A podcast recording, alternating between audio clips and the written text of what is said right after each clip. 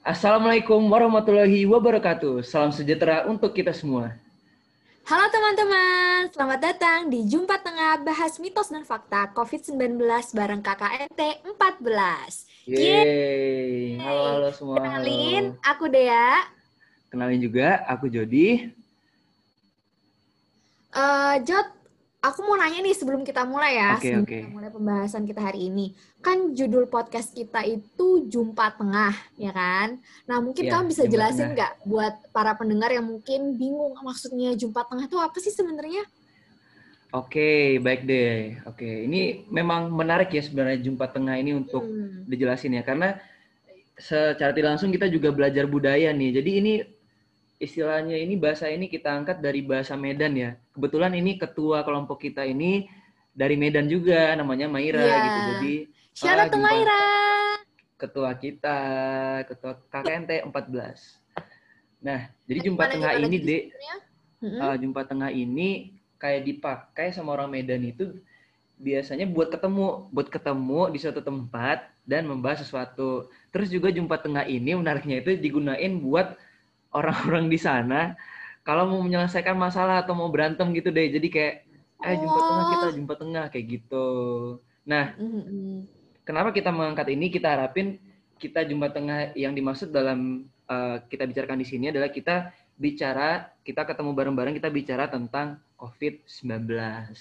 Oke, nah berarti teman-teman em, jangan pada bingung ya sama arti jumpa tengah itu apa tadi udah jelasin. Jumpa Intinya tengah. di sini kita bakal cerita-cerita dikit lah atau sharing soal pen- soal informasi seputar COVID-19, kan? Iya, betul sekali.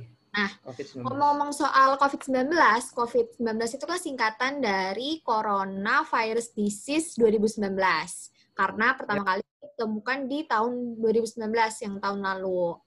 Nah, Mm-mm.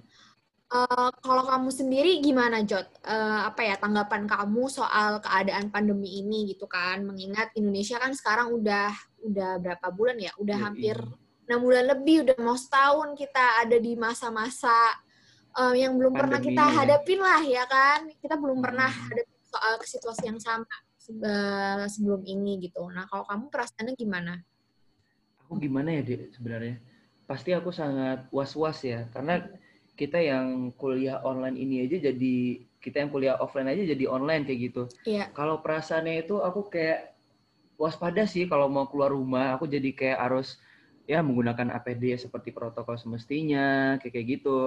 Cuman ya di sisi lain juga secara mental aku emang campur aduk sih, Dek. Kayak aku ya aku di sisi lain aku senang aku bisa balik, aku ketemu keluarga, tapi di sisi lain kayak aku di rumah terus nggak bisa ketemu kalian-kalian semua ini. Iya, Jadi bener kayak- banget. Ya campur aduk sih, Dek. Mm-mm, Tapi sama-sama. kalau kamu gimana, Dek? Kalau kamu? Kalau aku ya sebenarnya kurang lebih sama ya. Mungkin apa yang kita rasain, kamu sama aku sama pendengar kita juga mungkin ya dalam menghadapi pandemi ini kan pasti sulit ya buat kita semua karena kan ini uh, Mm-mm. masalah bukan terkait dengan kesehatan aja, tapi juga mempengaruhi um, semua aspek kehidupan kan, mulai dari Bener. pendidikan kita sampai nggak bisa sekolah, sampai kita nggak bisa kuliah, terus juga kita apa namanya buat keluar rumah, buat nyari uang juga susah ya kan, apa namanya. Nah, sekarang ke mana-mana harus pakai masker. Dulu-dulu mana pernah ya kan kita pakai masker? Gak pernah, gak pernah deh. Paling ya terus- masker tuh Mm-mm. buat orang pakai motor terus malu-malu keluar gitu kan pakai masker. Iya Gitu. bener banget. Terus Gitu sekarang doang. kita em, ke mana-mana harus sering-sering cuci tangan. Kalau dulu kita bahkan sebelum makan aja kadang suka lupa. Ya nggak? Suka lupa nggak cuci tangan. bener bener bener bener. Ya kan? Ya. Nah Plus minus ya dek, plus minus ya sebenarnya. Bener banget. Jadi sebenarnya eh, dari COVID-19 ini juga mengingatkan kita kan kalau misalnya ternyata emang kesehatan itu juga penting, penting, Penting banget. Nah, Penting kayak gitu. mahal. Eh oh di Indonesia sendiri sekarang kasusnya udah berapa sih? Tahu nggak kamu? Jadi aku tahu aku tahu dek. Gimana aku ingat gimana? juga ada updatean. Jadi hari ini itu 215 ribu positif COVID di Indonesia 200 dengan berapa? 100 sera- 215 ribu Wow. positif. Udah segitu dengan ya. ya dengan ada beberapa yang sembuh tapi ini dek Gimana? meningkat terus gitu loh, kayak naik terus. Iya ya. Kayaknya Iya nggak sebenarnya ada eh, gimana? Heeh. Ini ya karena emang virus corona ini sulit banget sih untuk di, dilawan ya, tapi Mm-mm. karena dia itu penyebarannya itu gampang banget gitu, transmisinya itu gampang banget. Gitu. Iya, bener banget lewat droplet kan. Jadi Lewat droplet.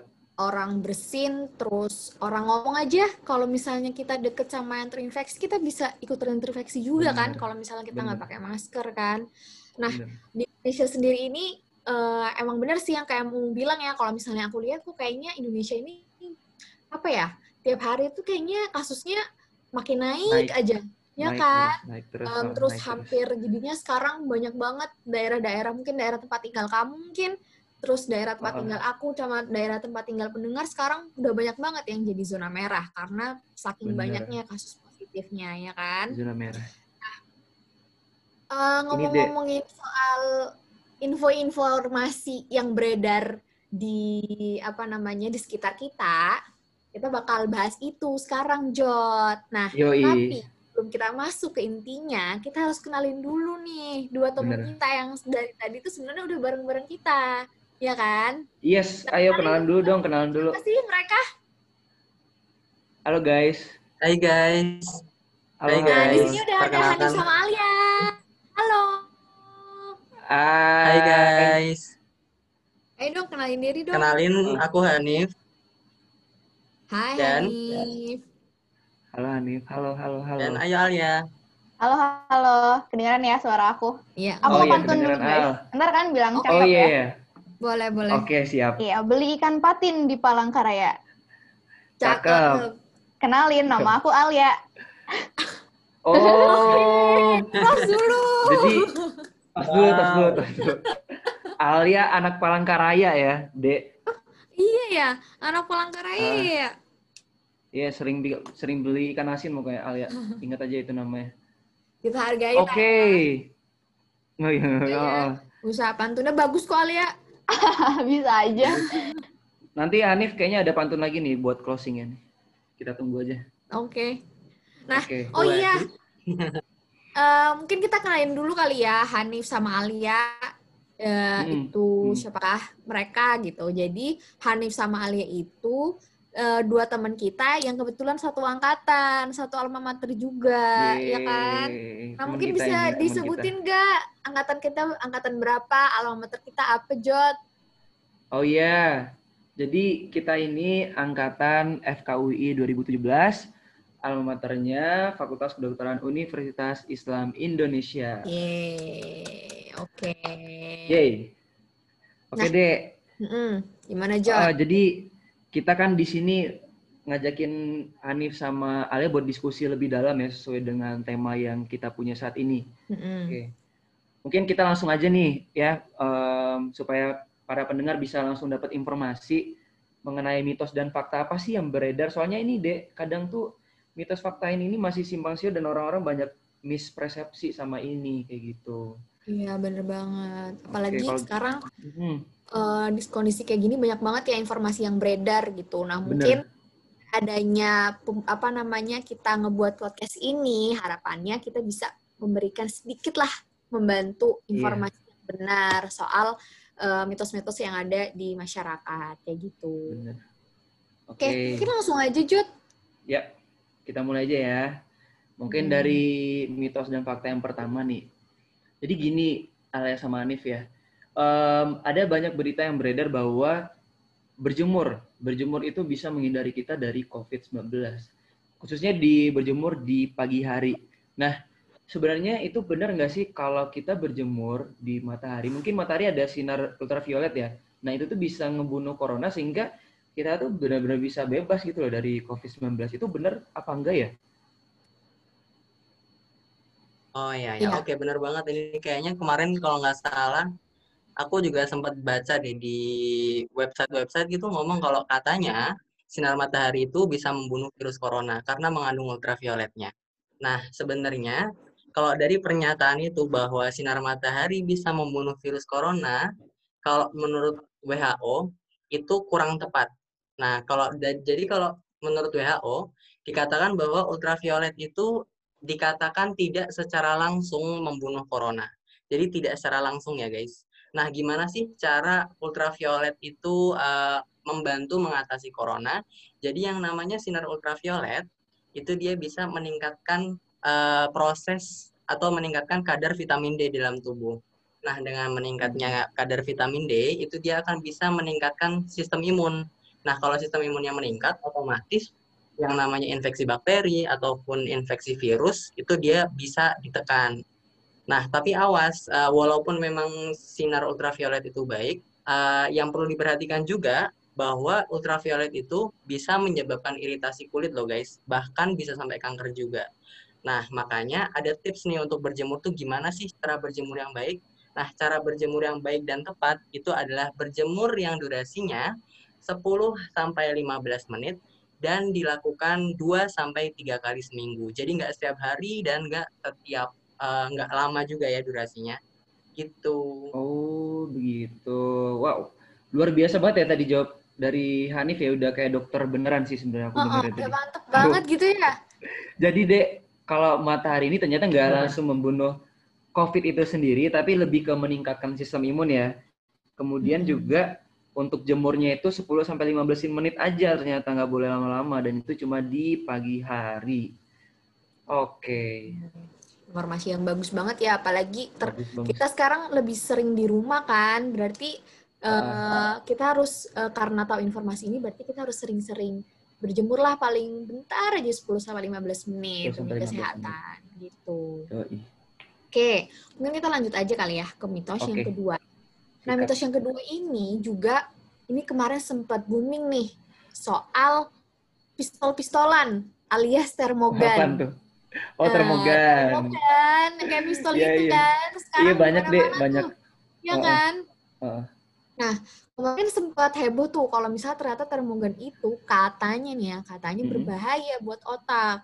Makanya uh. sampai orang-orang tuh ada yang parno tuh kalau misalnya uh, ada yang mau oh, iya, iya. tapi di jidatnya jadi maunya uh. di tangannya. Kamu pernah nggak digituin? Aku nggak pernah sih dia aku menurut aja mau di kepala ya udah silakan. Tapi kayaknya ya mungkin bisa kita luruskan di sini ya.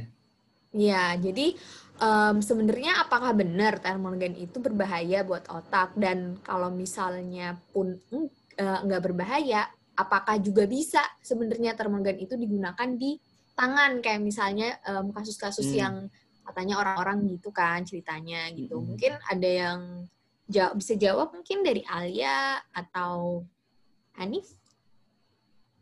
Aku kebetulan kemarin dengar cerita soal termogan dari dua teman aku. Iya, gimana tuh? Gimana? Jadi tuh Hanif sama Maira ini nggak tahu gimana ceritanya, terus mereka tuh barengan kayak cerita, ternyata mereka berdua pernah dicek suhunya pakai termogan, tapi ngeceknya itu di telapak tangan, pokoknya di telapak tangan atau di punggung tangan gitu, aku lupa. Dan aku kaget, ternyata hoax yang bilang kalau misalnya termogan itu bahaya buat otak, itu sekuat itu loh, bahkan sampai kita nemuin contohnya di kehidupan sehari-hari gitu. Mm -hmm. Nah, ini sebenarnya aku sempet uh, karena aku penasaran juga ya apakah ini benar berbahaya atau enggak terus aku ya do a little research gitu kayak Sheila research padahal mah cuman baca doang dari beberapa website yang terpercaya. Aku baca dari WHO dan kawan-kawannya juga.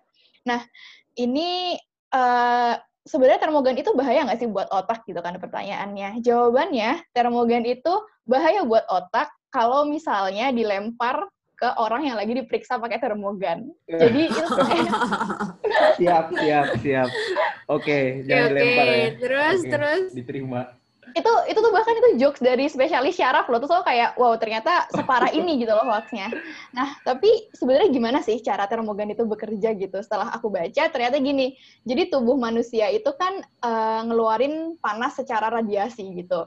Secara radiasi, terus ini tuh ditangkap sama uh, si termogan ini gitu. Nah, radiasi yang dikeluarkan oleh tubuh manusia ini dalam bentuk infrared light.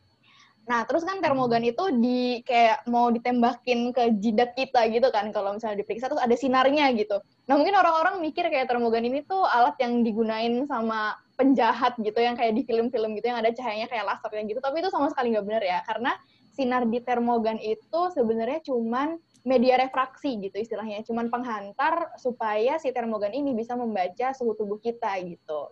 Nah setelah suhu tubuh kita itu uh, masuk ke pembaca termogan, terus dikonversi lah sama si termogan itu dalam bentuk angka. Makanya keluarlah itu uh, temperatur kita yang diukur dari dahi gitu.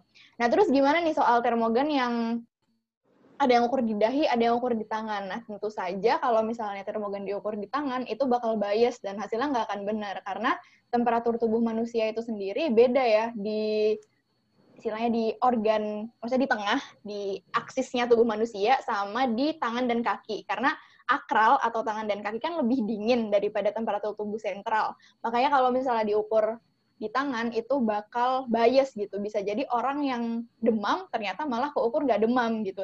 Dan bisa jadi orang yang istilahnya uh, normal suhu tubuhnya malah keukurnya di bawah suhu normal gitu. Jadi besok kalau misalnya kita nemu orang yang ngukur pakai termogannya belum benar, bisa diingetin supaya diarahinnya ke dahi. Oke, berarti gitu deh. termogan itu nggak bahaya ya sebenarnya, tapi bakal bahaya kalau misalnya dipakai buat mukul orang. Mukul ya orang, gak? kepalanya iya. dipukul. Iya, Jadi itu kalau, bahaya. Kalau ada, kalau ada orang ngeyel deh, dibilang, ah, aku nggak mau ini bahaya, bahaya. Oke, kita buktikan aja langsung. Langsung kita. Bener-bener. Headshot. Uh, nah, terus yang paling tepat untuk mengukur suhu itu ada di jidat ya, teman-teman. Bukan di bagian organ eh, bagian tubuh lain gitu. Jidat. Nah, terus habis itu ada juga nih pertanyaan. Ada Kalau lagi. misalnya uh, udah di ini udah di ukur nih suhunya pakai termogan. Terus suhunya itu normal-normal aja, apa namanya? masih dalam rentang normal oh, iya, gitu. Iya. Nah itu tuh apakah artinya dia nggak sakit, nggak apa berarti negatif corona atau gimana? Soal hmm. suhu juga ya itu hmm. uh, sebenarnya urusan suhu ini pelik banget ya masalahnya karena gini kalau misalnya yang kita tahu COVID-19 ini kan penyakit infeksi, di mana kita semua tahu kalau penyakit infeksi seperti infeksi lainnya, baik bakteri, virus, ataupun parasit yang lainnya itu pasti diikuti dengan demam gitu. Nah, tapi masalahnya kita juga dengar kalau misalnya ternyata ada loh orang-orang yang dia carrier atau dia ngebawa SARS-CoV-2 ini di dalam tubuh dia tapi tidak menunjukkan gejala apa pun gitu loh. Nah, kalau misalnya kita ngomongin termogan, kita ngomongin suhu sebagai alat screening, itu bagus. Maksudnya kita bisa uh, aware, lebih aware kalau misalnya ada orang yang suhunya tinggi itu jadi apa ya istilahnya kalau orang yang suhunya tinggi lebih probable atau lebih berkemungkinan bahwa dia itu membawa si SARS-CoV-2 ini di dalam tubuh dia gitu. Nah, terus gimana nih sama orang-orang yang ternyata carrier, maksudnya dia ternyata terinfeksi tapi tidak menunjukkan gejala apa pun.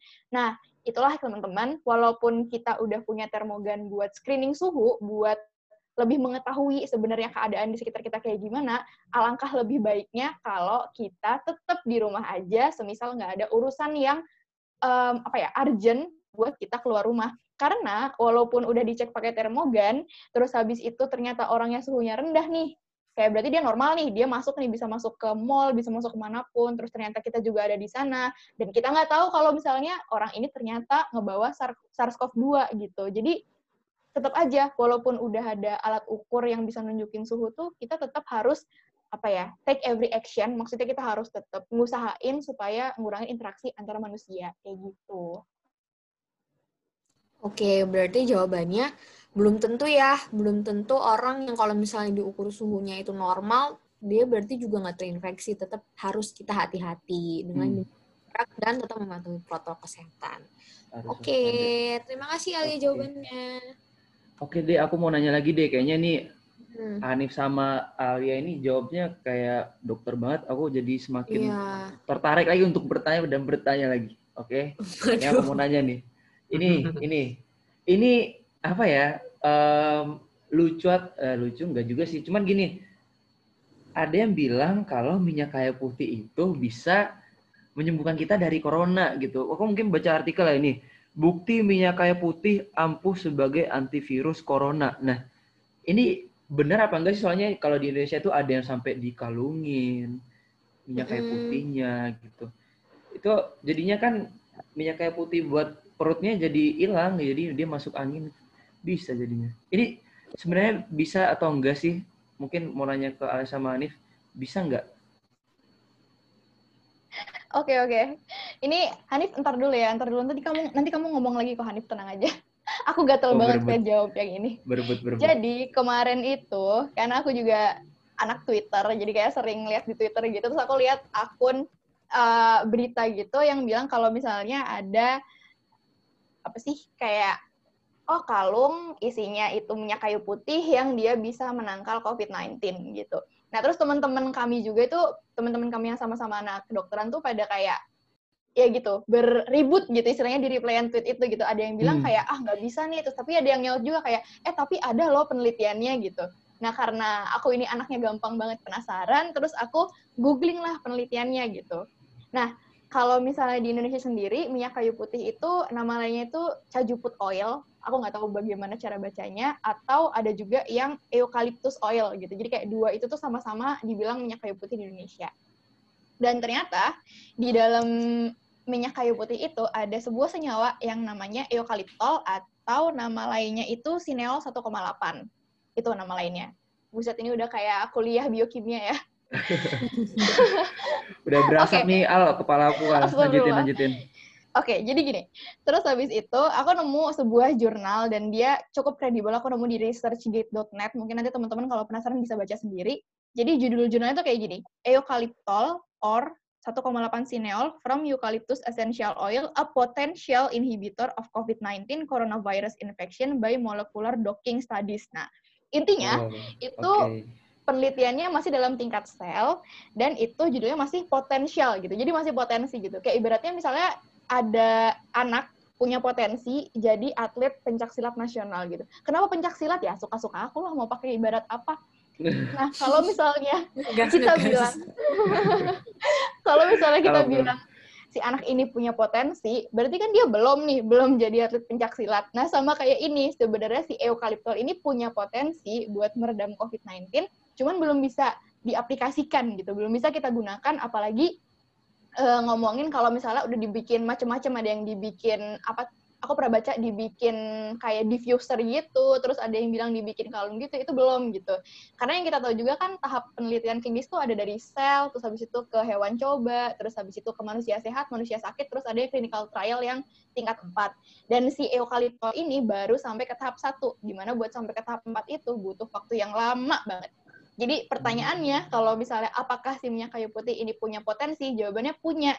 Tapi apakah minyak kayu putih ini sudah bisa digunakan oleh masyarakat luas? Jawabannya belum gitu. Jadi kalian nggak perlu buru-buru buat beli minyak kayu putih satu lusin gitu. Terus nggak perlu juga lebay ngolesin minyak kayu putih ke seluruh badan atau bahkan ada yang bilang pernah nanya ke aku kayak, "Al, aku boleh nggak sih minum minyak kayu putih?" So kayak, "Ah, ngapain minum minyak kayu putih?" Katanya bisa Waduh. nyembuh COVID. Nggak perlu. Kalian juga nggak perlu ya. minum minyak kayu putih ya. Cukup dipakai buat kerokan aja guys minyak kayu putih itu. Oh, jadi Itu sih dari yang aku dapat. jadi minyak kayu putih ini masih potensial ya dan perlu banyak lebih lama lagi lah penelitian untuk bisa membuktikan minyak kayu putih ini bisa terbukti. Begitu ya? Iya bener banget, jadi masih potensi gitu. Jadi ditunggu aja misalnya nanti ada penelitian yang udah sampai ke tahap lanjut, kalau ini bener-bener bisa diaplikasikan ke manusia, baru kita bisa Hmm. yakin kalau bisa pakai minyak kayu putih untuk membunuh COVID-19. Gitu. Maka dari itu untuk minyak kayu putih tetap untuk masuk angin aja dulu saat ini ya. Jangan Iya. dipakai buat kalung ya kan, Dek? Apalagi Yang diminum ya guys. Eh, diminum coba. Panas, ntar panas badannya. jangan, Tenggorokannya jangan, panas. jangan. Oke, kita harapkan semuanya masyarakat Indonesia bisa mendengar apa yang disampaikan Ale tadi. Iya, karena penting Oh. ya. Oke, oke. Terus selanjutnya kita Oke. punya apa nih, Jod? Aku ada lagi nih, Dek. Mungkin tadi kan ini kita sebelumnya membahas kayak gimana sih untuk em, hal-hal apa yang bisa kita lakukan untuk membasmi corona ini, kayak gitu kan. Mungkin ini aku mau bahas kayak terkait penularannya ya. Soalnya gini deh, aku kan adek aku itu channel YouTube-nya itu kan tentang random Shopee haul gitu ya. Jadi kayak Iya, iya, iya. review-review barang gitu, kayak dari paketan paketan Shopee gitu. Jadi mungkin em, gimana ya? Aku mau nanya supaya adik aku nggak kenapa-napa nih atau juga keluarga aku juga kan. Em, buat ini misalnya kan kita mesen paket dari luar ya, berarti kan itu secara nggak langsung ya mungkin bisa terpapar dengan corona kan kayak gitu. Nah, Oh iya Itu- ya. Heeh, itu tuh bisa nggak sih buat nularin ke kita kita atau ke manusia kalau kita mesen lewat paket. Kira-kira gimana tuh jawabannya? Bisa nggak corona menular Uh. lewat bungkus paket? Bungkus. Eh guys, selamatkan Oke, oke. adik aku dan keluarga aku guys. Yap. Jadi kalau terkait yang ini ya, berarti paket sebagai media penularan corona gitu kan? Yes, betul nih. Jadi kalau eh, terkait paket itu sendiri, jadi fun fact-nya nih, faktanya adalah dengan keberadaan corona ternyata eh, proses belanja online itu bahkan meningkat loh sampai 30%. Jadi 30% populasi Indonesia nih itu sering sekali belanja online. Nah, Hmm. baru kita mulai masuk ke pernyataannya. Jadi pernyataan bahwa paket itu bisa menjadi media penularan corona itu pernyataannya adalah fakta. Nah, kenapa? Pertanyaannya adalah kenapa? Karena yang perlu diketahui juga bahwa virus corona itu dia kuat ya guys. Jadi virus corona itu sulit banget mati tanpa diberikan antiseptik. Eh, contohnya bisa alkohol, bisa juga sabun dan lain sebagainya. Nah, jadi karena virus corona itu kuat, dia tuh bahkan bisa bertahan di permukaan plastik ataupun kertas bisa sampai 4 bahkan 5 hari. Nah, jadi solusinya gimana? Solusinya itu adalah ketika paket datang, silahkan bisa langsung dilap dengan alkohol atau bisa juga langsung dicuci dengan sabun. Itu adalah langkah yang pertama. Dan kalau misalkan nih lagi eh, ada pernyataan, ih tapi aku tuh nggak punya hand sanitizer, nggak punya alkohol loh di rumah. Iya, gimana dong? Terus juga masa iya paket disabunin gitu kan? Masa iya sih paket disabunin? Akhirnya ya udah ada solusi lain yaitu diamkan aja dulu paketnya di tempat yang eh, jarang kita kunjungi. Diamkan sekitar lebih dari lima hari begitu. Oh, berarti Gitu sih yang aku dapat. Nah, berarti kalau bisa pakai disinfektan, alkohol atau enggak kalau emang nggak ada dibiarin aja ya berarti ya. Dibiarin yap, benar beberapa banget. Hmm, oke. Dek, kalau gitu aku ingin segera memberitahu adekku secara langsung Cara lagi supaya bilang. Oh, supaya kami aman. Iya nih informasinya bagus juga. Soalnya mamaku juga beberapa hari ini suka banget nih. Apa namanya beli Iya online. kan? Bener. Eh, dan Apalagi informasi- sekarang, Ya gimana? Heeh. apalagi sekarang tuh so, itu Shopee itu lagi diskonan besar-besaran, Shopee 99. Iya bener banget. Yang nyiram-nyiram tuh kan. Nyiram Iya, apa? Dek. Shopee Yang- nyiram. Oh, oh, terus di TikTok ada goyang-goyangnya gitu. Kamu Iya. goyang nggak, Dek? Goyang Ikut Shopee nggak? dong. Oh, Aku ratunya Oke. goyang. Oke. Hati-hati ya, Dek. Hati-hati pas mesen paketnya. Udah, jangan bahas itu malu. Mending kita bahas Oke, selanjutnya oke. aja deh. nah, ini kan Dek. teman-teman, Hmm. eh, kan kita tahu nih kalau misalnya pasien eh, pasien kan salah, pasien COVID-19 itu kan apa namanya kebanyakan kalau misalnya yang yang aku baca nih ya, mungkin nanti kalian kalau misalnya aku salah Mm-mm. koreksi pasien COVID-19 itu yang eh, istilahnya yang wafat atau yang meninggal itu biasanya adalah pasien-pasien yang memang disertai dengan eh, kondisi penyerta atau penyakit penyerta dan sering juga dan lebih eh, resikonya lebih tinggi terjadi pada usia usia Hmm. tua. Itu eh, kira-kira gimana ya dan memangnya penyakit-penyakit penyerta apa aja sih sebenarnya yang paling eh, sering gitu dis- apa namanya menyertai pasien-pasien COVID-19 yang meninggal ini gitu. Mungkin eh, Hanif atau Alia mungkin ada yang bisa jawab? Yap, yap. Eh, jadi terkait statement yang menyatakan bahwa COVID, eh, pasien COVID-19 itu meninggal karena punya penyakit penyerta. Jadi ada proses yang perlu bisa dijelaskan, yang harus dijelaskan ya guys ya. Jadi yang yang harus diketahui bahwa eh, biasanya penyakit penyerta itu dia muncul di orang dengan usia lanjut. Misalnya ya sebenarnya nggak lanjut-lanjut juga sih, usia dewasa tua ke, ke atas ya. Jadi mungkin ya usia 35 ke atas. Nah, eh, jadi penyakit penyertanya itu apa aja sih? Yang pertama, itu dia bisa jadi hipertensi, kemudian diabetes mellitus, dan juga penyakit jantung.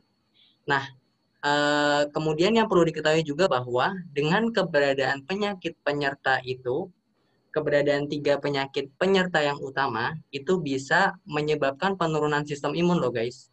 Nah, dengan menurunnya sistem imun, otomatis kan lebih mudah dong eh, terinfeksi virus corona.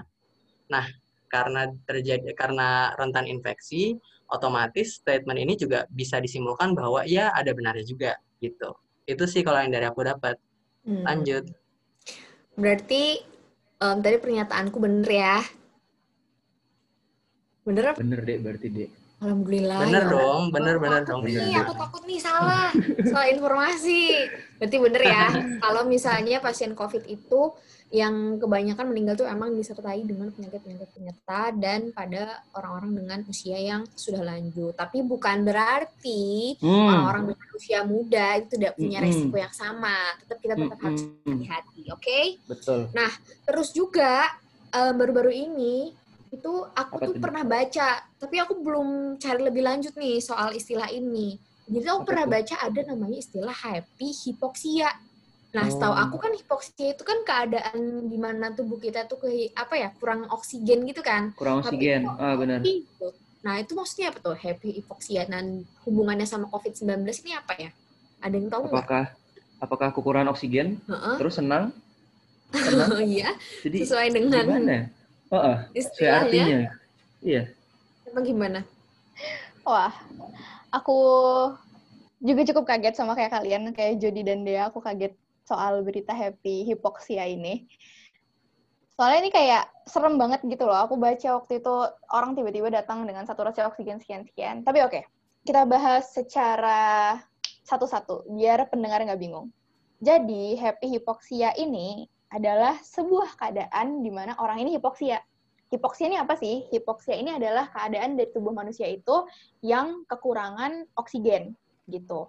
Nah, sebenarnya eh, kenapa dinamain happy hipoksia? Karena orang yang kekurangan oksigen itu harusnya merasakan banyak-banyak gejala gitu. Kayak misalnya dia ngerasa sesak nafas, terus dia ngerasa bukan sesak nafas sorry, dia ngerasa nafasnya itu dalam terus cepet, kesulitan bernafas kayak kalau misalnya orang ngos-ngosan habis olahraga, padahal dia nggak lagi ngapa-ngapain, terus juga dia bisa ngerasa deg-degan, terus habis itu nanti kalau misalnya pada tahap yang lebih lanjut bisa ngerasain gejala yang lebih parah lagi gitu. Nah, tapi di orang yang happy hipoksia ini seperti namanya ya, happy adalah orang-orang ini kekurangan oksigen, dia hipoksia tapi dia happy-happy aja alias dia nggak ngerasain gejala apa pun gitu. Nah, sebenarnya saturasi oksigen atau oksigen dalam tubuh manusia itu bisa diukur pakai yang namanya pulse oximeter. Kalau misalnya kalian pernah lihat drama atau pernah lihat ya drakor gitu yang bisa dijepitin di jempol terus nanti ada angkanya yang nunjukin angka sekian-sekian itu, nah itu yang namanya pulse oximeter.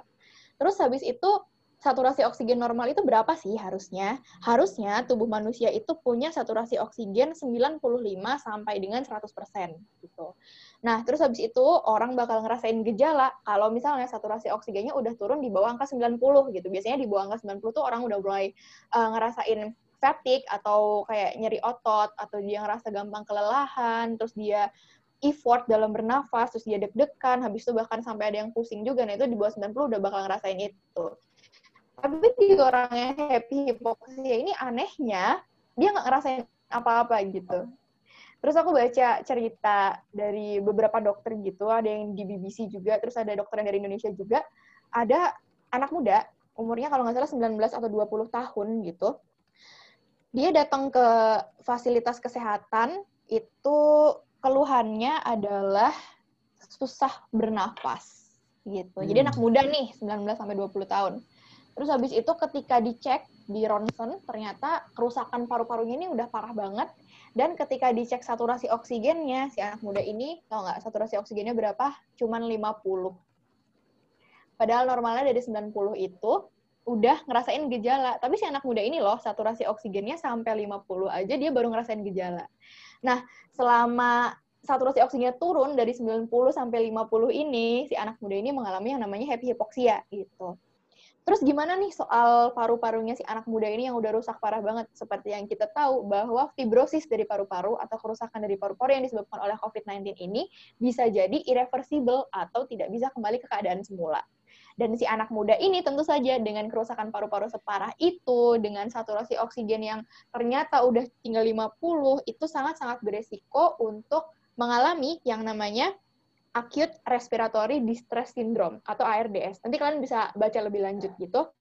Dan bisa juga mengalami yang namanya gagal organ gitu. Jadi ini tuh bahaya banget ya, soalnya kayak nggak tahu apa-apa, tiba-tiba saturasi oksigennya turun sebegitu banyak, dan ketika datang ke rumah sakit udah telat karena kerusakannya udah parah banget gitu. Nah, terus kenapa sih hal ini tuh bisa terjadi? Ternyata ini tuh kayak baru gitu kasusnya dan setelah uh, saya baca di beberapa artikel di NCBI di National Center of Biochemical gitu. Nah, itu ternyata ada beberapa kemungkinan yang menyebabkan orang ini nggak ngerasain gejala apa pun. Yang pertama itu bisa karena karena masih muda ya, jadi mekanisme adaptasi tubuh tuh masih bagus gitu. Ketika oksigen turun, tubuh tuh masih bisa mengkompensasi sehingga nanti tuh threshold atau ambangnya tuh bakal uh, lebih turun lagi. Makanya baru ngerasain gejala waktu saturasi oksigennya tuh tinggal 50. Terus habis itu yang kedua, ini tuh masih kontroversial ya. Jadi ada beberapa peneliti yang bilang ternyata si COVID-19 ini tuh berbahaya buat sistem syaraf gitu. Nah, di sini itu yang diimplikasikan oleh si hypoxia adalah si orang ini tuh mengalami tidak bisa apa ya udah belibet ngomongnya. Jadi gini, intinya di batang otak manusia itu ada pusat pernafasan. Nah, si COVID-19 ini disinyalir bisa merusak sistem syaraf sehingga otak ini tuh nggak bisa ngeh kalau misalnya ternyata tubuh kekurangan oksigen. Tapi ini masih kontroversial ya teman-teman. Terus habis itu uh, ada lagi ya intinya ada dua kemungkinan itu yang bikin si happy hypoxia ini asimptom atau nggak ada gejala apa pun gitu. Aduh udah panjang lebar banget nih udah Aduh. kayak kuliah fisiologi. Wah udah gila. Kayak fokus, udah fokus. dengerin profesor gak sih, Jo? Iya, Dek. Aku harus fokus nih, fokus, fokus. Ini aku harus fokus nih, aduh. Fokus emang deh, gak, fokus. Gak diragukan lagi ya, emang Alia ini atlet, atlet kita ya, Dek? Aduh. Atlet yang kita punya ya. Gila. Oke. Okay. Salut, gitu, salut. Ya. Jadi Anip. bukan ini, bukan ini ya, Dek, bukan kekurangan oksigen. Ah, aku senang kekurangan oksigen gitu Tapi ya, karena ya karena itu tadi ya karena sifat dari virus COVID-nya itu tadi yang katanya bisa merusak sistem um, persarafan sehingga mm -hmm. dia kayak merusak tubuh jadinya salah merespon yang harusnya dia itu menunjukkan gejala hipoksia kekurangan oksigen tapi karena adanya itu tadi kerusakan oleh COVID-nya itu jadinya pasiennya nggak ngerasa apa-apa eh pas ngerasa itu udah keadaannya udah parah kayak gitu Bener. kan. Nah, berarti tetap ya kalau, balik uh, uh, kita harus hati-hati. Hati-hati. Tapi ini ada bahaya banget ya ternyata ya. Mm-mm. Bahkan bisa sampai orang nggak sadar gitu loh kalau dia tuh udah kejadian itu di dalam tubuhnya. Iya. Nah, itu dia oh. kan. Banyak banget gejalanya, emang, apa gejalanya COVID ini beragam gitu. Gak bisa diremehin emang. Iya, bener. Oke. Okay. Oke. Okay. Berarti ini ya, tadi ini dek, mungkin aku mau nanya nih dek. Mm-mm. Kan tadi mengenai gejalanya ya, gejala-gejala kayak gitu. Mungkin ini kan ada tuh biasanya kalau kayak penyakit-penyakit lain kayak ketika dia udah kena suatu penyakit, tubuh dia itu bisa merespon itu, dia bisa melawan itu, jadinya dia bisa kebal gitu. Jadi ketika kena lagi nggak bakal kena gitu. Nah, mm-hmm. apakah penyakit kayak COVID-19 ini sama sama uh, situasinya kayak penyakit yang lain itu. Jadi kayak kan ada orang yang bilang gini deh, soalnya itu apa ya? Oh, kalau dia udah kena COVID berarti dia udah kebal untuk selanjut selanjutnya gitu. Iya, aku juga pernah dengar tuh. Hmm. Itu sebenarnya bener nggak sih kalau misalnya kita udah pernah kena COVID, uh -uh. berarti kita udah ya udah kita berarti nggak ada kemungkinan untuk kena lagi gitu. Iya soalnya bahaya kan kalau kalau orang nggak tahu kan dek nanti dia oh iya. aku udah sembuh nih dia kayak superhero di luar-luar kayak ngepalin tangannya. kembali. Uh, uh, terus kayak udah nongkrong aja santai aja gitu kan. Iya. Itu bener nggak sih jadinya gimana sih yang bener? Mm -mm. Bisa apa enggak ya kira-kira? Aku mau niruin Hanif nih. Yap, yap. Iya, aku mau jawab. Oke, okay. silakan Alia jangan buat jangan buat kami ngantuk lagi, oke, okay, Alia. Ini ini ini nggak kuliah, ini nggak kuliah, ini cuma brief aja, ini okay. pendek banget. Okay. Jadi soal imun sama COVID-19 ini sebenarnya kayak apa ya? COVID kan baru, jadi emang masih perlu banget penelitian lebih lanjut soal banyak hal terkait si COVID-19 ini. Nah ini yang aku dapat dari WHO. Ternyata ini judul artikelnya Immunity Passport gitu. Jadi ntar bisa di search aja kalau misalnya kalian mau baca sendiri. Nah, ternyata si COVID-19 ini termasuk uh, penyakit yang istilahnya itu kalau misalnya udah masuk ke tubuh manusia, sebagaimana respon imun semestinya, uh, tubuh manusia ini bakal ngebentuk memori gitu. Jadi ntar kalau misalnya si COVID-19 ini mau masuk lagi, tubuh manusia bakal ingat kayak oh kamu udah pernah masuk jadi kayak nggak usah masuk lagi kayak gitu. Jadi nah dengan premis itu kan berarti kita bisa bilang kalau misalnya orang ini kebal ya soal kebal kalau kayak nggak bisa kena lagi si SARS-CoV-2 gitu. Mm -mm. Tapi ternyata mungkin kalian pernah dengar juga beritanya uh, orang yang pertama kali sembuh dari COVID di Wuhan itu tiba-tiba beberapa minggu setelah itu dia balik lagi ke rumah sakit dan ternyata waktu di swab dia masih positif COVID-19 gitu. Oh. Jadi pertanyaan dong kayak Setelah sembuh. Iya, udah sembuh. Jadi sembuh ingat kan ya? yang orang yang pertama kali sembuh dari COVID tuh dilepas dari rumah sakit tuh kayak dibawain bunga, terus yang gitulah Oh, heboh iya, pokoknya. iya, iya, iya. aku aku ingat tuh beritanya. Iya, itu. Terus beberapa Lagi minggu ya? kemudian tuh dia balik ternyata waktu di swab tuh masih positif COVID gitu loh. Nah, cuman ini tuh masih kayak tanda tanya apakah positifnya itu kayak remnants atau sisa dari infeksi kemarin yang masih ada gitu di hasil swabnya atau ternyata dia tuh emang reinfeksi gitu. Jadi kayak ini tuh masih maksudnya reinfeksi tuh dia dapat COVID lagi gitu dari luar. Jadi itu masih kayak tanda tanya gitu emang kalau misalnya soal immunity itu ada yang bilang kayak antibodinya bakal hilang dalam tiga bulan, ada yang bilang bakal bentuk antibodi orang jadi kebal gitu. Jadi masih sekali lagi masih kontroversial sama kayak penyebab happy hypoxia tadi. Nah, terus di WHO ini cuman dikasih pesan kayak gini. Jadi kayak what to consider gitu yang harus kita perhatikan adalah dalam pandemi kayak gini di mana terutama di Indonesia udah sampai 200 ribu lebih yang kena COVID-19 nggak cukup bukti gitu. Istilahnya apakah si antibodi atau ketahanan tubuh yang dibentuk dari tubuh manusia ini bisa untuk melindungi orang supaya dia nggak terinfeksi lagi gitu. Jadi balik lagi nih ke eh, yang awal tadi bahwa apa pun yang terjadi, pokoknya kita tetap harus menjalankan protokol kesehatan dan kalau misalnya not necessary atau nggak perlu banget buat keluar rumah, buat ketemu sama orang tuh nggak perlu dilakuin. Karena ini juga masih gonjang-ganjing gitu. Istilahnya kita nggak tahu apakah si COVID-19 ini tuh benar-benar uh, tidak bisa menginfeksi lagi atau masih bisa menginfeksi lagi gitu teman-teman. Oke, berarti daripada kita mikir hal-hal yang nggak pasti itu, mendingan kita fokus sama yang pasti. Di mana berarti yang Hmm. harus kita lakuin sekarang itu adalah ya menjaga diri dengan cara nggak keluar rumah kalau misalnya nggak perlu kayak yang udah disebutin Alia tadi, iya kan? Bener, bener, bener. Kayak udah cari aman aja dah pokoknya. Cari aman Iya. aja dah. Udah. Daripada nyari masalah kan, nyari Iya. sakit. Oke. Nggak bisa jadi menuliskan masa Nah, depan. Terus eh, kita tadi udah bahas tentang gejala, terus udah bahas tentang termogan, tentang obatnya, Hmm, calon pistol-pistol. obat yang katanya calon obat gitu. Nah sekarang aku mau nanya soal ini nih, tentang zonasi. Nah kan kalau misalnya Indonesia sendiri itu zonasi terkait dengan COVID ini penyebarannya itu berdasarkan kasus kan ada empat ya kalau nggak salah. Ada hijau, kuning, orange, merah. Yang paling rendah itu hijau, yang paling tinggi itu merah, ya kan? Nah, tapi ini nggak tahu nih, makanya aku nanya ke kalian.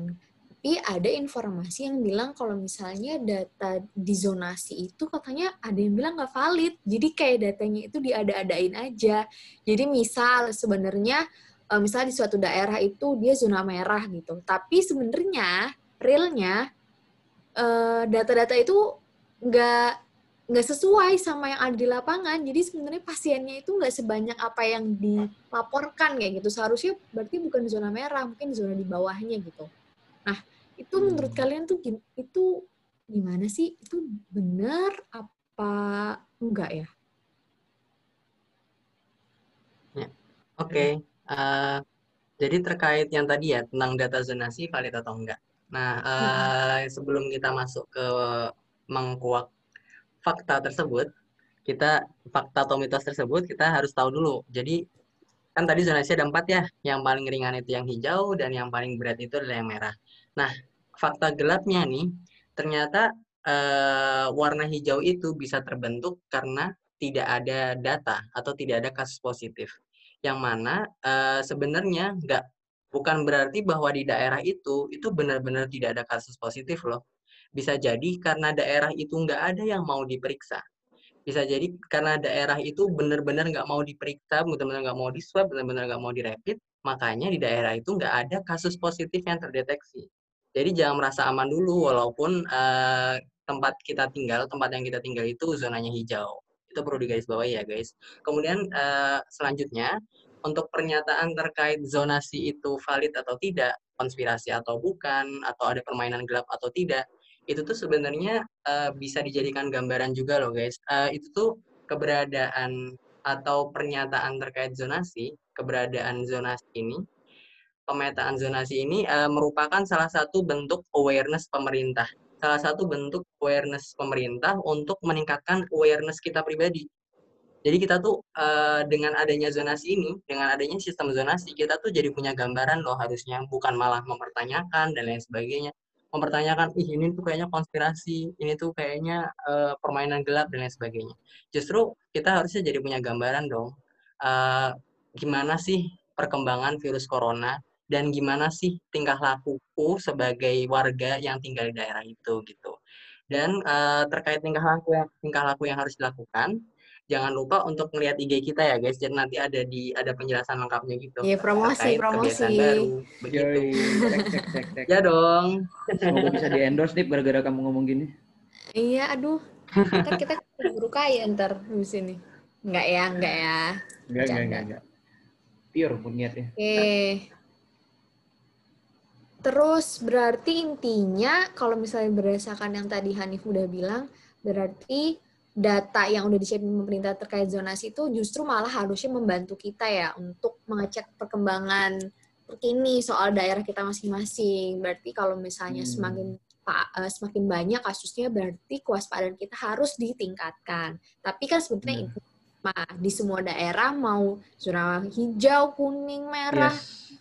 Orange tetap. ya tetap aja protokol kesehatan tetap harus dijalani karena memang itu adalah kewajiban kita sebagai um, warga negara yang baik. Oke, hmm. gitu kan? Jadi nggak konspirasi ya, Dek? Ya, kalau aku sih... Bener. Ya, kita cari aman lagi lah. Cari aman aja. Oke.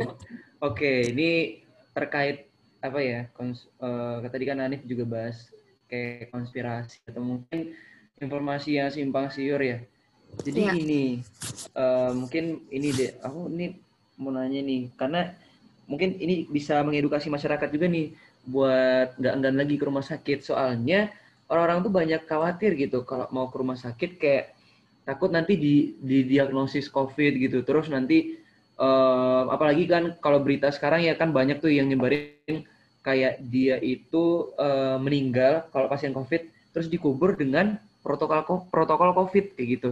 Jadi kayak orang-orang yang sekiranya ada gejala, gejala-gejala kayak COVID gitu, kayak mungkin ada bilang udah cek aja ke rumah sakit, terus nanti mungkin ada yang nimpalin, ah enggak takut nanti dikira nanti dikira COVID gitu. Kayak orang orang-orang tuh jadi mikirnya tuh kayak tiba-tiba COVID, tiba-tiba COVID gitu, padahal enggak. Jadi memangnya, memangnya mungkin mau nanya ke Anip ya, sebenarnya diagnosis untuk mendiagnosis orang-orang COVID-19 ini tuh kayak gimana sih gitu. Jadi mungkin harapannya ya untuk masyarakat nggak takut lagi nih kalau mau ke rumah sakit mau buat ngecek dirinya kayak gitu.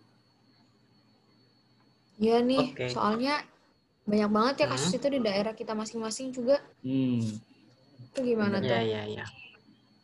Oke, uh, jadi ini pertanyaannya cukup menarik ya, cukup kontra, uh, cukup apa ya? Hmm, uh, cukup kontroversial. Kontroversial. Nah. Sampai itu uh, nih ada kub kalau terkait hmm. kuburan dibongkar. Hmm. Kuburan oh, yang nih. bongkar kuburan itu ya? Iya, nih. Ya ampun. Oh. Enggak, aku nggak ngerti lagi, nih. Iya, iya, iya.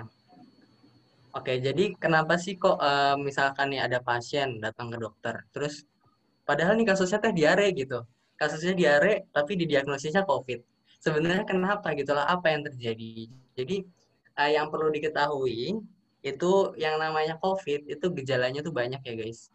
Jadi batuk kering bisa jadi COVID batuk berdahak hmm. bisa jadi COVID Bener. diare bahkan bisa jadi COVID loh. Nah sebenarnya uh, itulah kenapa kalau dari corona sendiri uh, itu disebut jadi corona tuh punya nama julukan. Nama julukannya adalah great great imitator atau uh, seribu wajah kalau bahasa Indonesia sih gampangnya jadi penyakit COVID ini dia itu punya gejala yang bermacam-macam. Nah, makanya ketika datang ke rumah sakit, terus kemudian dilakukan uh, wawancara dan sebagainya, nah, untuk kasus COVID ini nanti akan dikonfirmasi dengan swab, yang mana kalau dari swab ini merupakan salah satu uh, kunci pemeriksaan diagnosis yang paling tepat. Jadi misalkan mau gejalanya datang diare, terus di swab ternyata kas ternyata hasilnya positif, ya udah berarti dia positif COVID. Begitu. Nah, dan kenapa uh, dan kenapa kok uh, orang yang meninggal orang yang meninggal di rumah sakit itu uh, ada namanya protokol COVID ya, protokol COVID terkait uh, proses pemakamannya. Nah, jadi uh, kenapa ya, protokol COVID itu harus dijalankan? Ternyata orang yang meninggal pun, orang yang meninggal sekalipun masih bisa mengeluarkan sekret atau masih bisa mengeluarkan cairan dari dalam tubuhnya yang mana ternyata dari cairannya itu sendiri itu ada virusnya juga. Itulah kenapa alangkah tidak bijaknya kalau misalkan uh, ada kasus ada pasien positif COVID dan kebetulan sudah meninggal dan harus dijalankan protokol COVID tapi ada masyarakat yang menentangnya. Sebenarnya itu kurang bijak ya teman-teman. Jadi uh, alangkah baiknya itu percaya pada dokter saja. Nah, dan juga yang perlu digarisbawahi, kenapa pada takut ke rumah sakit ada juga alasannya kenapa sih kok uh, kenapa sih kok biaya perawatan covid tuh mahal banget kenapa sih kok biaya paling kayaknya ini ya ditilep sama dokternya gitu kali ya digelapin gitu uangnya mm -hmm. sebenarnya tuh nggak kayak gitu juga sih guys nah, sebenarnya yang perlu diketahui bahwa penderita covid itu pasti butuh yang namanya tabung oksigen dan ventilator mau tahu harga tabung oksigen itu berapa jadi berapa, berapa? faktanya nih harga tabung oksigen di rumah sakit itu adalah 650.000 per tabung. Hmm. Nah, itu juga harus harus diketahui ya guys bahwa 650.000 itu bukan angka yang sedikit. Dan lagi emangnya pasien COVID cuma butuh satu tabung? Kan enggak kan ya? Justru butuhnya banyak.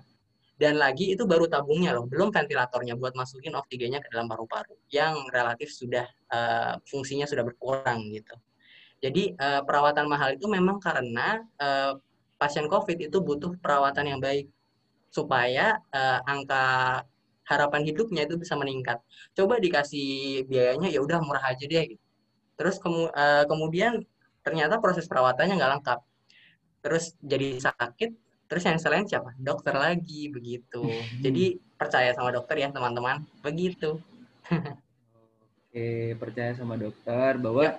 untuk apa ya untuk mendiagnosisnya pun juga menggunakan alat yang benar ya apalagi tadi swab itu uh, mutlak untuk secara diagnosisnya untuk COVID-19 ini kayak gitu. Uh, buat ini ya dek, dek, dek, aku buat buat pertanyaan buat mitos dan fakta aku jadi bingung dek, kayaknya udah kejawab semua dek kalau dari yang mau aku tanyain. Iya iya. Misalnya oh, aku inget-inget juga aku udah gak ada pertanyaan lagi sih sebenarnya. Hmm, soalnya udah, udah saking ininya, udah saking terinformasiinnya loh iya. kita sama dua teman kita ini. Kita cuma bisa kayak angguk, iya kayak angguk-angguk doang. Oh, oh, ya udah, oh. udah. Oh, nggih. Nggih, oh, ya, nggih. Nggih. Nggih, Dok. Amin ya. Amin jadi dokter ya. Oke. Okay. Kayaknya uh, apa namanya kita langsung ke yang selanjutnya aja deh. Yang lebih okay. seru nih pembahasannya tentang apa yang itu? baru bukan baru sih sebenarnya ini udah lama, cuman mungkin masih ada yang bingung nih sama istilah ini gitu. Oh, nah, pasti udah pada tahu kan uh, istilah new normal, ya kan? Oh, ya yeah, new normal. Normal yang baru. Uh, uh, uh, uh, ada ada nah, baru lah. Kan new normal ini uh, sebenarnya setelah kita apa namanya yang uh, apa sih social distancing atau physical hmm. distancing tuh kan istilah hmm. awalnya itu kan. Nah, iya, setelah itu muncul, uh, muncul istilah baru yaitu new normal gitu. Tapi entah berapa sejak berapa bulan terakhir ini ya, uh, tapi aku lupa sejak bulan ada, apa. Ada. Nah, sebenarnya uh, aku tuh agak bingung nih perbedaan antara istilah new normal sama istilah PSBB. PSBB. Batasan oh, iya. apa sih PSBB? PSBB apa ya? itu, itu deh pembatasan sosial berskala besar. Nah, iya tuh. Nah, itu sebenarnya perbedaannya apa sih antara keduanya? Apakah mereka sama ataukah mereka beda tapi ada yang sama atau Hmm. gimana? Well, well. Ya. Jadi kalau terkait eh, pem- Well, perbedaan antara new normal dengan PSBB ya. Hmm, jadi yang kalau sepemahamanku dari proses aplikasinya, maksudnya dari terapannya gitu. Jadi kalau new normal itu adalah kebiasaan, jadi suatu kenormalan yang baru. Hidup normal, tapi dengan kebiasaan baru yang harus diterapkan. Hidup normal, tapi dengan kebiasaan baru yang harus diterapkan. Ya, contohnya nanti mungkin bisa disebutkan. Setelah itu kalau yang PSBB, PSBB itu jadi yang nama- namanya aja pembatasan sosial berskala besar. Jadi untuk proses PSBB ini sendiri, jadi eh, bentuk aplikasinya atau bentuk terapannya itu adalah dengan sekolah di rumah atau school from home ya namanya. Terus ada juga yang Hmm. bekerja di rumah atau work from home. Nah, jadi itu aja bedanya. Kalau new normal itu kantor-kantor dibuka, mall-mall dibuka, dan lain sebagainya, tapi dengan menerapkan adaptasi kebiasaan baru. Sedangkan kalau yang PSBB itu mall ditutup, sekolah ditutup, kantor ditutup, dan lain sebagainya. Gitu. Oh, oke oke. Berarti Oke. perbedaannya ya new normal sampai PSBB kayak gitu. Tapi ini ya. ya, Hmm, Gimana? iya deh. Cuman ini kan kalau nggak salah waktu PSBB itu kan berarti pembatasan sosial skala besar. Jadi kayak lebih ini ya, lebih membatasi lah untuk gerak-geriknya dari seluruh masyarakat. Dan eh, kalau nggak salah aku dengarnya bahwa ini cukup efektif juga untuk mem- apa ya, membatasi penyebaran atau transmisi dari si COVID-19 ini. Waktu di Mm-mm. awal-awal kan ini diterapin. Terus pemerintah bergerak ke new normal atau yang tadi kayak dijelasin Nanip itu. Itu tuh Iya. padahal kan kasusnya tinggi ya kan, Dek. Indonesia tinggi buktinya sekarang juga Indonesia ini makin tinggi gitu loh. Kayak kenapa sih nggak tetap PSBB aja terus gitu? Kenapa berubah ke new normal? Jadi kayak meningkat lagi nih jadinya nih. Iya, apa karena faktor ekonomi atau apa ya? Ada yang tahu nggak? Hmm. Jody, eh kok Jody? Apa Ali Jangan sama deh. Alih Ya, aku tidak akan tidak akan Aku mencoba kan belum- kawan. Aku bukan setara mereka deh ya. Aku tidak akan. Aku Gimana? Aku tahu, aku tahu. Kebetulan kemarin sempat ngomongin ekonomi juga sih sama beberapa teman aku. Terus kayak di rumah aku juga sering ngobrolin ini kayak nggak tahu topik tuh ada aja. Jadi gini, sebenarnya kalau misalnya ini juga ini tuh campuran antara data yang aku baca sama knowledge aku gitu. Jadi kayak kalau misalnya kalian mm, mau menyanggah opiniku ya silahkan gitu. Karena ini menurut aku gitu. Jadi sebenarnya new normal itu kan kayak somewhere between PSBB sama kita hidup seperti biasa gitu kan. Jadi new normal itu kayak Hmm, iya. win ya kan kayak win-win solutionnya gitu. Mm-mm. Jadi kan kalau misalnya kita PSBB itu berarti kan semua lumpuh kan, terutama eh, sektor pendidikan, terus kayak terutama sektor perdagangan juga semuanya lumpuh gitu. Nah terus berdasarkan data yang aku baca dari The World Bank itu terakhir di-upload sorry di-update itu April 2020 bahwa memang Indonesia itu angka kemiskinannya udah turun nih, udah turun eh, pada tahun 2019 gitu. Tapi tetap masih ada 20,6 persen populasi di Indonesia yang rentan atau vulnerable untuk eh, terjatuh di bawah garis kemiskinan gitu. Nah, apa hubungannya sama new normal? Kan kalau PSBB tadi kan emang kita tahu dia melumpuhkan sektor perekonomian gitu kan. Makanya diberlakukanlah new normal supaya eh, sektor ekonomi Indonesia ini aman gitu loh. Supaya si 20,6 persen orang Indonesia yang terancam untuk jatuh di bawah garis kemiskinan ini bisa selamat gitu. Nah, tanpa meningkatkan penyebaran COVID secara membabi buta gitu. Jadi ini kayak win-win solution antara eh, kesehatan sama antara sektor perekonomian gitu. Mungkin selain sektor perekonomian juga buat sektor pariwisata, pendidikan dan lain-lain. Jadi ya gitu, somewhere in between gitu. Makanya diberlakukanlah new normal. Oh, Oke, oke. Jadi- ini deh ya kayak ya pemerintah juga nggak bisa lagi untuk menanggulangi ekonomi juga. Iya ya.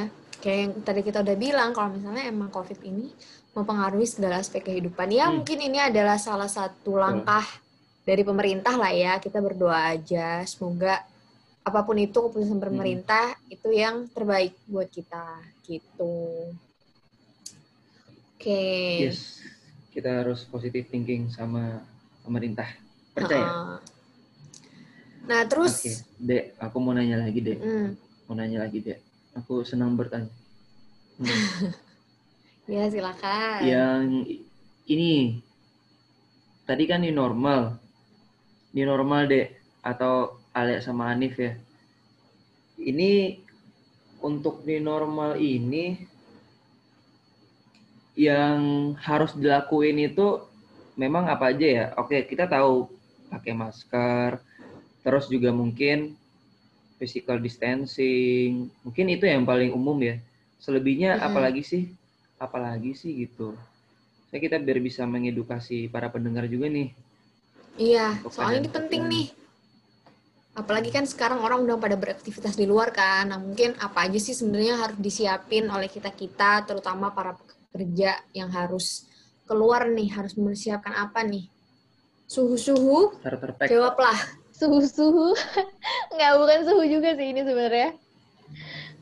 Oke, buat ini yang harus dilakukan ini harus dilakukan waktu new normal ya gitu berarti. Tadi udah disebutin ya sama Jody udah cukup lengkap misalnya kayak bawa masker, terus bawa hand sanitizer, terus habis itu ya kayak gitu tuh sebenarnya new normal itu yang harus dilakukan tuh kayak hal-hal kecil yang emang kita perlu perhatiin demi keselamatan diri sendiri dan demi keselamatan orang lain gitu. Jadi selain bawa masker dan bawa hand sanitizer itu kayak ada beberapa perhatiin kayak contohnya misalnya kita lagi mau makan di luar itu kayak alangkah baiknya kita bawa alat makan sendiri. Terus kalau misalnya buat cewek bawa mukena. Terus kalau misalnya bawa masker itu harus bawa masker lebih. Kayak jangan cuma satu gitu. Soalnya kan jangka waktu pakai masker itu kan ada. Dan kalau misalnya kita bakal keluar rumah dalam jangka waktu yang lama tentu saja kita harus punya spare masker gitu di dalam tas kita Terus selain itu hand sanitizer-nya jangan lupa make sure kalau dia udah penuh waktu kita mau keluar rumah. Terus jangan lupa physical distancing atau ngejaga jarak sama orang lain. Terus kalau ngomong sama orang maskernya jangan dilepas. Itu kayak banyak banget gitu dan anyway,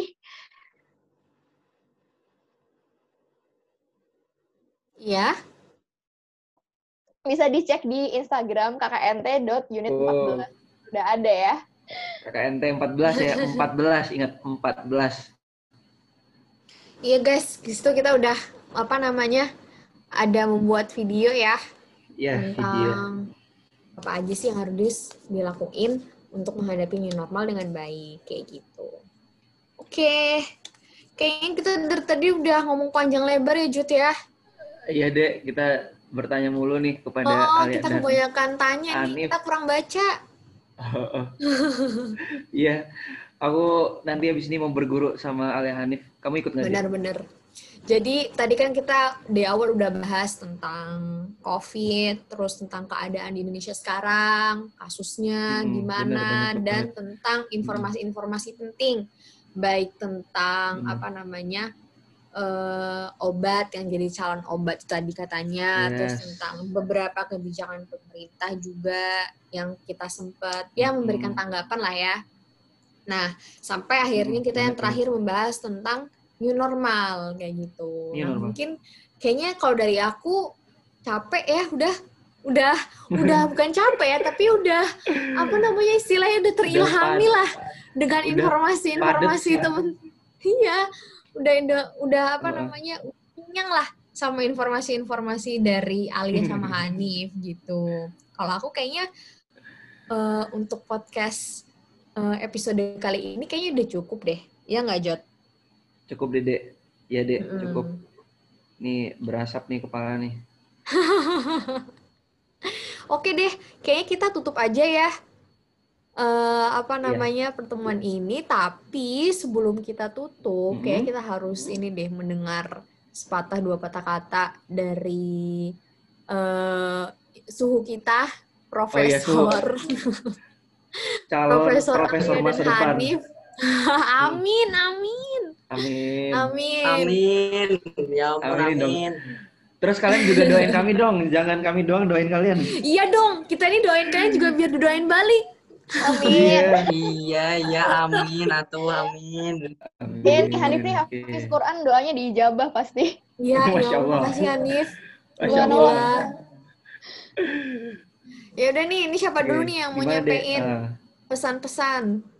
Hanif, Hanif dulu, Hanif dulu. Alina? Ya, gimana? Oke, Hanif. Oke, jadi gini. Jadi gini, guys. Sehat itu sebenarnya murah kok. Sumpah deh, sehat itu murah. Tapi bakal jadi lebih mahal kalau sehat itu udah berubah jadi sakit. Makanya, untuk menjaga kesehatan, kita harus mulai dari diri sendiri dan baru kita tularkan ke lingkungan sekitar. Gitu ya, guys. Peduli dengan Hmm. kesehatan. Diingat guys, Oke. diingat, diingat, diingat. Diingat ya guys, peduli Ah. sama kesehatan diri sendiri. Ya Dah. kan? Kalau misalnya dari Alia, Kalau tadi Hanif udah ngebahas soal kesehatan, aku mau ngebahas soal lebih ke sosial gitu. Jadi stigma masyarakat itu jahat banget gitu. Jadi kita sebagai mahasiswa terutama dan teman-teman yang dengerin podcast ini juga yang sudah teredukasi, tolong edukasilah sekitar kalian gitu. Karena itu adalah salah satu cara buat nyingkirin stigma jahat masyarakat dan itu juga salah satu cara buat ngebantu eh, tenaga kesehatan buat mengeradikasi atau menyelesaikan persoalan COVID-19 ini. Gitu kalau dari aku. oke. Oke, baik. Terima Berarti kasih Ali Hanif dan dari Ayah, Terima kasih. Sama-sama. Uh, Sampai seru jumpa banget. lagi loh, banget. guys. mengisi mengisi kuliah di podcast ini ya, Alia dan Hanif. Iya. Terima kasih banyak. Oke, guys, ini kita sudah sampai di di penghujung. Ham, harapannya dengan adanya podcast ini, teman-teman mungkin yang mendengar ini dapat menyebarkan informasi-informasi yang sudah disampaikan dari teman-teman kita tadi eh, ke teman-teman sedekatnya ataupun ke keluarganya gitu. Walaupun hanya satu orang itu sangat berharga karena istilahnya kita menyelamatkan satu kehidupan seperti itu. Kalau gitu terima kasih untuk semuanya. Sampai jumpa di podcast. Jumpa Tengah di episode selanjutnya. Dadah. Dah. Terima kasih semuanya.